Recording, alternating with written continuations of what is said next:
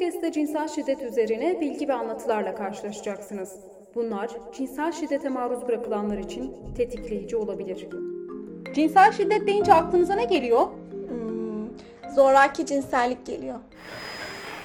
Cinsel şiddet denince aklıma taciz, tecavüz ve e, ikili ilişki arasında bir tarafı zorla cinselliğe itmek geliyor aklıma.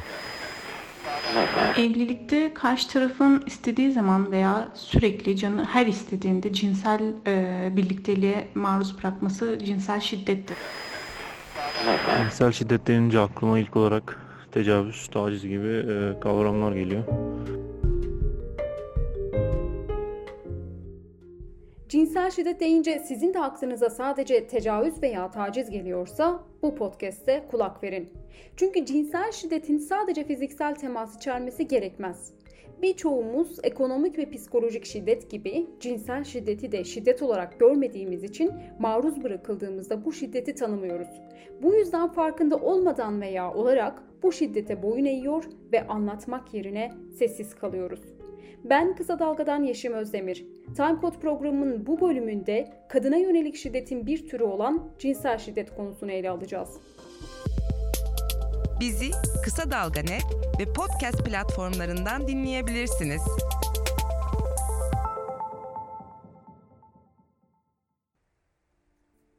Bu podcast'te cinsel şiddeti yaşamış kadınların hikayeleri anlatılırken kimlikleri gizlendi. İsimleri kendi istekleriyle değiştirildi. Sorunlu bir boşanma döneminin ardından benim yaşadıklarıma benzer sorunları yaşayan kadınlara muhakkak yardım etmem gerekiyor diye düşündüm. En yakınımdakilerden başlayarak zorla evlendirilen kadınlara bıkmadan, usanmadan boşanmaları gerektiğini anlattım durdum. Başlarına gelen bu lanet şeyin kader olmadığını, birilerinin belirlemiş olduğu hayatları yaşamaya mahkum edildiklerini anlatmayı görev edindim kendime. Her fırsatta onlara muhakkak bir çıkış yolu olduğunu, çaresiz olmadıklarını anlatmak istiyordum. Bu dertle çeşitli kadın çalışmalarına katıldım. Bu çalışmalara katılırken belki amacım birilerine yardım etmekti ama farkında olmadan en çok kendime yardımcı oluyordum. Başıma gelen şeyin ne olduğunu idrak ediyordum. Kavrayamadığım, içinden çıkamadığım birçok şey anlam bulmaya başlıyordu. Suçlu ben değildim. Bunu ben istememiştim. Başıma gelen hiçbir şeyin sorumlusu ben değildim. Beni asla bırakamazsın. Bırak! Bırak! Bırak! Bırak pislik! Ya! Ya! Çekil! Çekil! Tabi bunları bir günde öğrenmedim. Çok zaman geçti, çok insan, çok kitap, çok hikaye dokundu. Fakat en tetikleyici olan şuydu ve hala hatırladığımda tüylerim diken diken oluyor. Toplumsal cinsiyet eşitliği ile ilgili bir çalıştayı asiste ediyordum. Toplantı büyük bir salondaydı ve oldukça kalabalıktı. Çeşitli kadın örgütleri, belediye başkanları, bazı kurum ve kuruluşların yöneticileri vardı. Bir kadın sunum yapmak için çıktı, evlilik için cinsel şiddeti anlatacaktı. Anlatılan her şeyde pür dikkat dinliyordum tabii. Ben bu sırada salonun arkalarına doğru bir yerdeydim. Kadın bir anda evlilik içinde yaşanan tecavüzler diye bir cümle kurdu. Devamında ne dedi, cümle nasıl bitti hala hatırlamıyorum ama duyar duymaz başımdan aşağı kaynar sular dökülmüş gibi oldum. Evlilik içi tecavüz kavramı defalarca kulağımda çınlamıştı. Meğer ben yıllardır tecavüze maruz kalmıştım. Meğer zorla gerçekleşen her cinsel ilişki sırasında hissettiğim o iğrenç duygu bundan kaynaklanıyormuş. Hemen salonu terk edip lavaboya koşmuş, dakikalarca bağıra bağıra ağlamıştım.'' Bu cümleler 3 yıllık evliliği boyunca cinsel şiddete maruz bırakılmış genç bir kadına ait. Siz de farkında olmadan cinsel şiddete maruz kalıyor olabilirsiniz. Şiddet genç ya da yetişkin çoğu kadın için kafa karıştıran bir durum. Bu nedenle şiddetin uyarı sinyallerini tanımak şiddeti önlemede büyük önem taşıyor. Özellikle evliliklerde ya da duygusal, romantik, cinsel beraberliklerde cinsel şiddet olarak tanımlanacak birçok davranışın olağan kabul edilmesi utanıldığı için anlatılmaması veya sorunun inkar edilmesi bu konunun yeterince gündeme gelmesi ve tanınması önünde büyük engel yaratıyor. Mesela kıskançlık, koruma, endişe etme gerekçesiyle yapılan birçok davranış aslında cinsel şiddet içerir. Evet geç saate kadar çalıştık. Barış Bey de sağ olsun Seyhan'la beni evlerimize bıraktı. Sen neredeydin? Bak Zeynep. Pelin adamı benim karımı evine bırakamaz. Cinsel Şiddetle Mücadele Derneği hazırladığı kavramlar sözlüğünde cinsel şiddeti şöyle tanımlıyor. Onay almaksızın onay inşa ederek veya onay almanın söz konusu olamayacağı durumlarda kişinin, kişilerin uyguladığı cinselliğe yönelik teşebbüs ve tehdit içeren her türlü eylem, davranış ve müdahale. Tanımdan da yola çıkarak belirtmeliyiz ki davranışın cinsel şiddet sayılabilmesi için eyleme geçmiş olması gerekmez. Yani sadece tecavüz veya tacize maruz bırakılmak değil, teşebbüs edilmiş, tehdit boyutunda kalmış her türlü istenmeyen davranış cinsel şiddettir. Peki tanımda dikkat çekilen onay kavramı nedir? Onay almak cinsel şiddeti önlemede etkilidir. Onay nedir? Onay net, açık bir evettir. Herkes içindir. Alkol etkisi altındaki kararlar onay değildir. Partnerlik, sevgililik, evlilik, flörtleşme, Kararsızlıklar, bazı kıyafetler ve bazı bakışlar onay değildir. Mesajlaşmalar, arzu ifadeleri onay değildir. onay. Ve tabii çocuklar ve hayvanlar için onay almak söz konusu olamaz. Dolayısıyla Adalet Bakanı olduğu dönemde Bekir Bozdağ'ın yaptığı türden talihsiz açıklamalar kabul edilemez. Bu 2005'te yürürlüğe giren ceza kanunu uygulamasındaki bu geçiş döneminde yaşanan sıkıntılar nedeniyle şu anda 16 yıl hapis cezasıyla e, karşı karşıya olan insanlar var. Bunlar tecavüzcü değil. Bunlar cinsel istismar suçunu zorla işlemiş olan kişiler değil. Tamamen ailelerin ve küçüğün de rızasıyla yapılmış işler. Küçüğün rızası, kadının rızası, kadının veya çocuğun bu konuda yalan söylediği, kadının giyimiyle ya da davranışıyla bu şiddetin sorumlusu olduğu yönündeki mitler maalesef her eğitim düzeyindeki insanlarda görülebiliyor. Hatırlarsanız Brüksel'de açılan bir sergide kadınların giydikleri kıyafetler nedeniyle tecavüze veya tacize maruz kaldıkları algısına dikkat çekmek için cinsel şiddete maruz kalanların kıyafetleri sergilenmişti. O sergideki kıyafetlere bakarsanız gündelik kıyafetler, pijamalar, üniformalar ve küçük çocukların okul önlüğünü göreceksiniz. Yani varsayılanın aksine sorun erkeklerin kontrol edilemez cinsel dürtüleri değil. Unutmayın ki bebekler bile cinsel şiddete maruz bırakılıyor. Dolayısıyla cinsel şiddetin tek sorumlusu var, o da şiddeti uygulayan kişidir.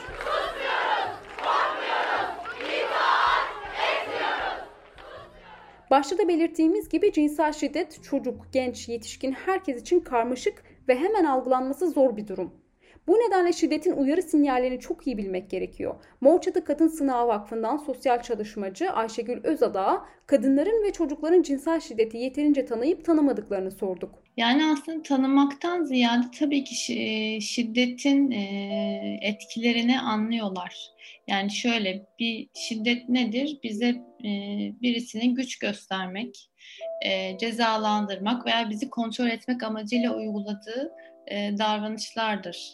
Ve biz de aslında bunu anlarız yani bunun bize iyi gelmediğini, bizi rahatsız ettiğini, bize zarar verdiğini anlarız ama ismini koymakta zorlanabiliriz. Özellikle de cinsel şiddetin adını koymakta zorlanıyoruz. Çünkü bizim için genellikle böyle daha çok evet tecavüz ve taciz ve e, çoğunlukla da hep dışarıdan gelen bir şeymiş gibi düşünülüyor. Hep bir yabancı bunu yaparmış gibi algılanıyor. Halbuki e, şey oranlarına baktığımız zaman e, hani şiddet e, en çok kimden geliyor buna baktığımız zaman hem kadınlara hem de çocuklara e, gelen şiddet hep en yakınlarından geliyor. Ve e, en yakınlarından geldiği zaman da onun adını koymak çok daha zor olabiliyor. Yani özellikle evlilik içinde e, Evlilik işte tecavüzü yaşamak ya da işte babadan, e, kar, abiden ka, e, ya da işte dayıdan bir cinsel istismar yaşamak noktasında özellikle zaten çocuklar için çok çok zor bir şey bir şeyi ad, anlamlandırmak. Keza yetişkinler için de bunu anlamlandırmak ve adını koymak çok zor oluyor. Bilgi bizi güçlendiren bir şey. Yani şiddeti tanımak, şiddet türlerini anlamak, etkilerini anlamak bunlar çok önemli. Ki ondan dediğiniz gibi uzak duralım. Ama bu tabii şöyle bir algıda yaratsın istemem. Yani biz bunu bilirsek o zaman hayır diyebiliriz rahatlıkla. Böyle bir şey çok mümkün olmuyor. Çünkü şiddet o kadar karmaşık bir şey ki yani e, mesela cinsel şiddeti konuşuyoruz ama cinsel şiddet de aslında kendi içinde psikolojik şiddet, fiziksel şiddeti ve hatta belki ekonomik şiddeti de içinde barındıran bir şey. Yani bütün şiddet türleri birbirine geçişken e, bu noktada. Yine cinsel şiddetle ilgili olarak en yaygın bilinen mitlerden biri kadınların tanımadığı erkekler tarafından cinsel şiddete maruz bırakıldıkları. Oysa ki cinsel şiddet çoğunlukla kocadan, babadan, akrabalardan, partnerlerden, iş arkadaşlarından gelir ve sanılanın aksine spontane gelişmez. Oldukça planlı davranışlardır. Örneğin 38 yaşındaki Zelal 20 yıllık evliliği boyunca kocasından cinsel şiddet görmüş. Zelal maruz kaldığı birçok davranışın şiddet olduğunu ancak boşandıktan sonra kavrayabildiğini anlatıyor. Ben şiddetin her türlüsüne maruz kaldım. Fiziksel, psikolojik ve ekonomik olarak bunların her türlüsüne maruz kaldım. Fiziksel olarak dayak yedim, saçım onun ellerinin içinde topladığını hatırlıyorum.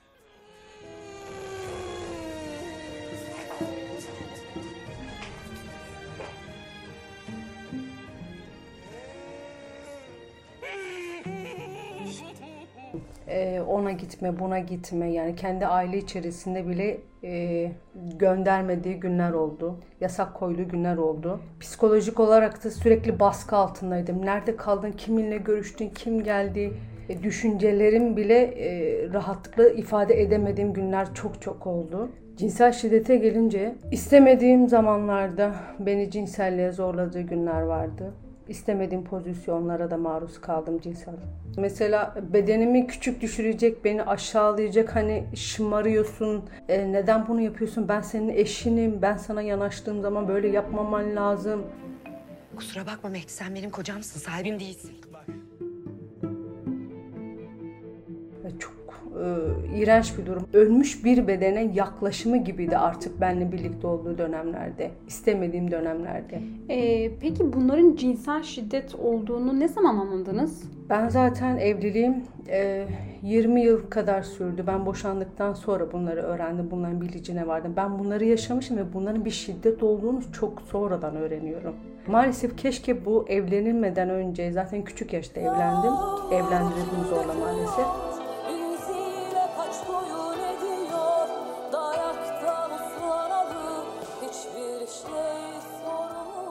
O, o zaman o bilinçli olsaydım da daha çabuk, daha erken bitirebilseydim bilinçli bir şekilde. 20 yılım heba olmasaydı. Peki e, cinsel e, şiddete maruz kaldığınız şeyleri yakınlarınıza anlatabiliyor muydunuz? Maalesef hani yani kendime bile anlatamıyordum. Ayıplıyordum. Hani mahremiyet bir durum olduğu için sanki iki kişinin arasında yapılan o yorgan altındaki şeyin e, dışarıya vurursam ayıpmış gibi geliyordu bana. Maalesef çok ayıplanırdı. Hani karı koca arasında olur böyle şeyler. Büyüklerimiz, ailemiz izin vermezdi. Biz saklasak o ne kadar güçlü bir kadın bunu sakladı. Ama biz bunu ortalığa çıkarsak ne kadar çirkin bir hareketti. Üstüne de ben suçlu çıkıyordum yani. Dayak yiyen ben, e, şiddete uğrayan ben. Ben bunu açığa çıkarsaydım ayıplanıyordum. Yani Anlattınız ben, diye mi? Tabii en yakınıma anlattığım zaman bir şey olmaz. Eşler arasında olur. Özellikle evliliklerde ya da duygusal, romantik, cinsel beraberliklerde cinsel şiddet olarak tanımlanacak birçok davranışın olağan kabul edilmesi, ilişkilerin doğasında olduğu düşüncesi ya da mahrem konular denilerek saklanması nedeniyle şiddetle ilgili yapılan araştırmalarda cinsel şiddet oranları oldukça düşük görünüyor. Unutmayalım ki evli olmak veya bir beraberliğin içinde olmak dur deme hakkımızın elimizden alındığı anlamına gelmez.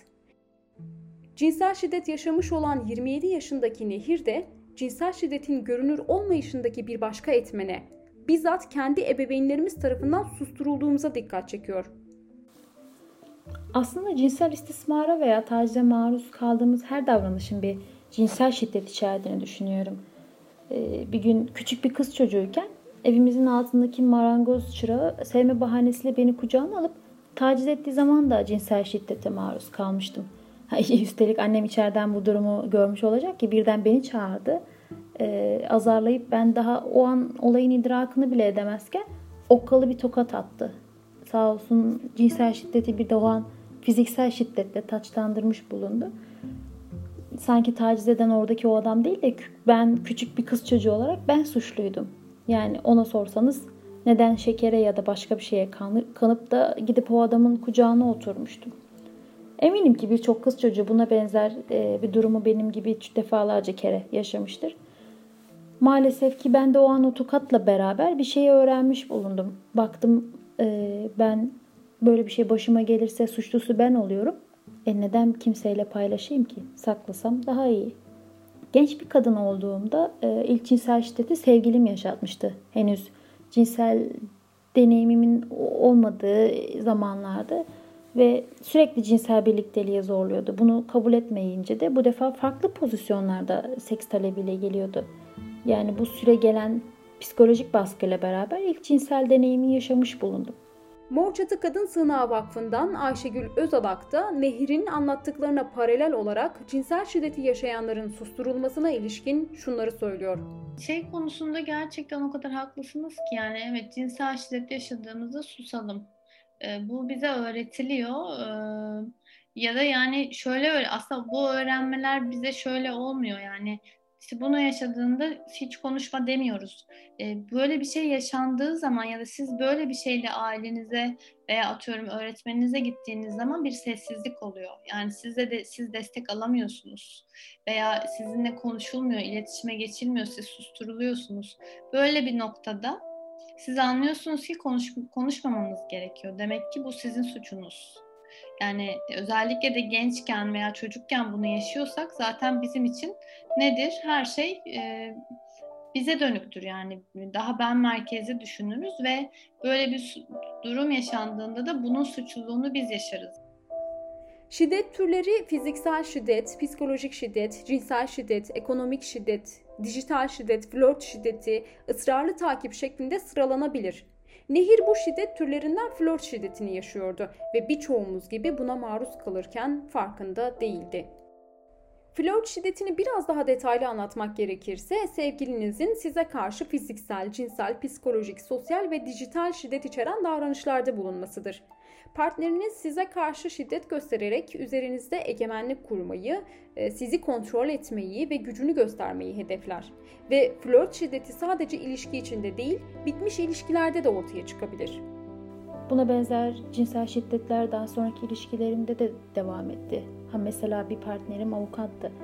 E, ha mesleğini avukatlar ya da e, eğitimli insanlar yapamaz, yapmaz anlamında belirtmiyorum ama en azından mesleği gereği çeşitli davalara girmiştir ya da girmese bile aldığı eğitim gereği bir kadın bilinci oluşmuştur e, diye söylüyorum. Sık sık kıyafetlerim tercih, kıyafet tercihlerim hakkında ileri geri yorum yapardı. Dekoltesiz bir kıyafet giydiğimde bile ne giydin de hani insanlar dönüp sana bakıyor diyecek kadar küçük düşürüyordu. Ve göğüs veya göğüslerim büyük diye e, fiziğimle ilgili aşağılıyordu ceketiyle kapat, ceketimle kapatmamı istiyordu falan. Halbuki buradaki suçlu ne benim ne de orada bana bakan insanlar. Bana sorsanız buradaki tek suçlu benim o an ceketimle bedenimi kapatmam gerektiğini düşünen o zihniyetin ta kendisi. Yani bu adam bırakın kadın bilincine sahip olmayı e, davranışlarının yanlış olduğunu bile kabul etmezdi. E, tabii ben bunları yaşarken bir rahatsızlık hissediyordum ama bunun cinsel şiddet olduğunu bilmiyordum. Cinsel şiddeti uygulayan kişi avukat, nehirde mühendis. Başka mesleklerden olsalar ne fark eder? Fakat cinsel şiddet hakkında en çok ön yargıların olduğu şiddet biçimi ve bu ön yargılardan biri de eğitimli kişilerin başına böyle şeyler gelmeyeceği ya da eğitimli, iyi görünümlü, toplumda belli bir statüsü olan kişilerin bu şiddeti uygulamayacağı yönündeki yanlış düşünceler. O kadar ki bu suçu işleyen tüm erkekler cezada iyi hal indirimi almak için mahkemelere takım elbiseli, kravatlı, en şık halleriyle gelirler. Ve ne hikmetse karar vericiler de buna ikna olur. Mahkeme sanık babaya tutum ve davranışlarına dikkate alarak iyi hal indirimi uyguladı. Eşine o dehşeti yaşatan adama iyi hal indirimi yapıldı. Hapis cezası 3 yıl 3 aydan 2 yıla düştü. Mor Çatı web sitesinde yaygın görülen cinsel şiddet biçimlerinden bazıları şöyle sıralanıyor. Tecavüz etmek, cinsel ilişkiye zorlamak, istemediği cinsel pozisyonlara zorlamak, hayır dendiğini duymazdan gelmek, rızası olmadığı halde hoyratça ve acıtarak cinsel ilişkiye girmek, istemediği zamanlarda cinsel ilişkiye zorlamak, cinselliği bir ceza ödül yöntemi olarak kullanmak, başka kişilerle cinsel ilişkiye girmeye zorlamak, seks işçiliğine zorlamak, cinsel ilişki için kadının rızasını tehdit, korkutma gibi yollarla inşa etmeye çalışmak, cinselliği kendi zevkine yönelik yaşamak, karşıdakinin ihtiyaç ve beklentilerini görmezden gelmek, sözle ve fiziksel yolla taciz etmek, teşhircilik yapmak, pornografik görüntüler izlemeye zorlamak, sürekli takip ederek telefon, internet gibi teknolojik araçlarla cinsel içerikli materyaller ya da konuşmalarla rahatsız etmek, onay almadan cinsellik içeren görüntüler çekmek ve cinsel içerikli görüntüleri yaymak ya da yaymakla tehdit etmek, kadın bedenini ve cinselliğini aşağılayacak şekilde konuşmak. Birçok kadına cinsel şiddeti tanıyor musunuz diye sorduğumda genellikle evet yanıtını alıyorum. Ama sizce cinsel şiddet nedir bir örnek verir misiniz diye sorduğumda çok azı yukarıdaki saydığım cinsel şiddet biçimlerinden bahsediyor. Nehir de bu soruyu şöyle yanıtlıyor. Ben aslında cins şiddet e, ortamında büyüyen bir çocuktum. Annem yıllarca başta fiziksel olmak üzere şiddetin her türlüsünü babam tarafından maruz bırakılmıştı. Hem de bizim gözlerimizin önünde defalarca kere. Aslında bu sebeple en ufak bir şiddeti ta en başında tanımam gerekiyordu ama sanırım ben de birçok kadın gibi ekonomik, e, psikolojik veya cinsel şiddeti şiddet olarak görmüyordum. Belki evet tabii ki sorunlu davranışlardı bunlar ama şiddet değildi. E, şiddet sadece bir tarafımızın kırılması, gözümüzün, yüzümüzün hani morarması sanıyoruz. Ve ne yazık ki bu konular ne ailemizde öğretiliyor ve ne de okullarda. Dolayısıyla bir yetişkin bir birey olana kadar bunlara maruz kala kala kendiniz öğrenmiş oluyorsunuz. E, maalesef birçoğumuz maruz kaldığı halde de öğrenemiyor. Ben arkadaşlarımdan çok çok daha ağır şeyler duyuyorum. Ama şiddet olarak tanımlamıyorlar. Ufak tefek işte e, halledebilir sorunlar olarak görüyorlar. Ha bir de cinsellik bizim toplumda hala çok büyük bir tabu, konuşum, konuşulması ayıp da bir konu. E konuşup tartışmayınca, e, bir bilene danışmayınca nasıl öğreneceğiz ki? Bu sebeple o bilinçlenme süreci de çok geç gerçekleşmiş oluyor.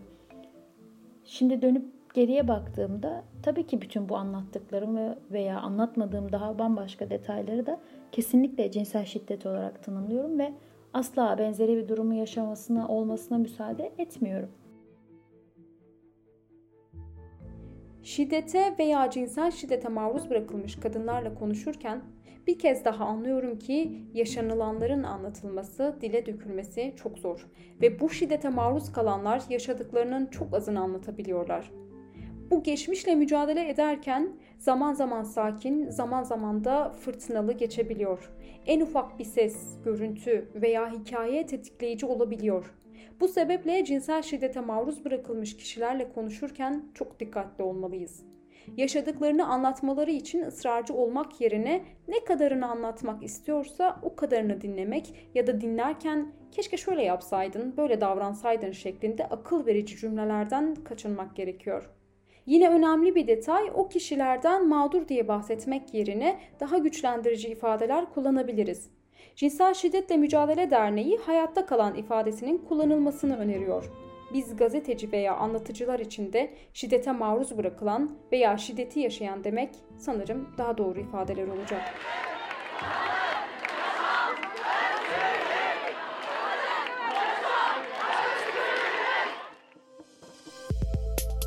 Bizi Kısa Dalga Net ve podcast platformlarından dinleyebilirsiniz.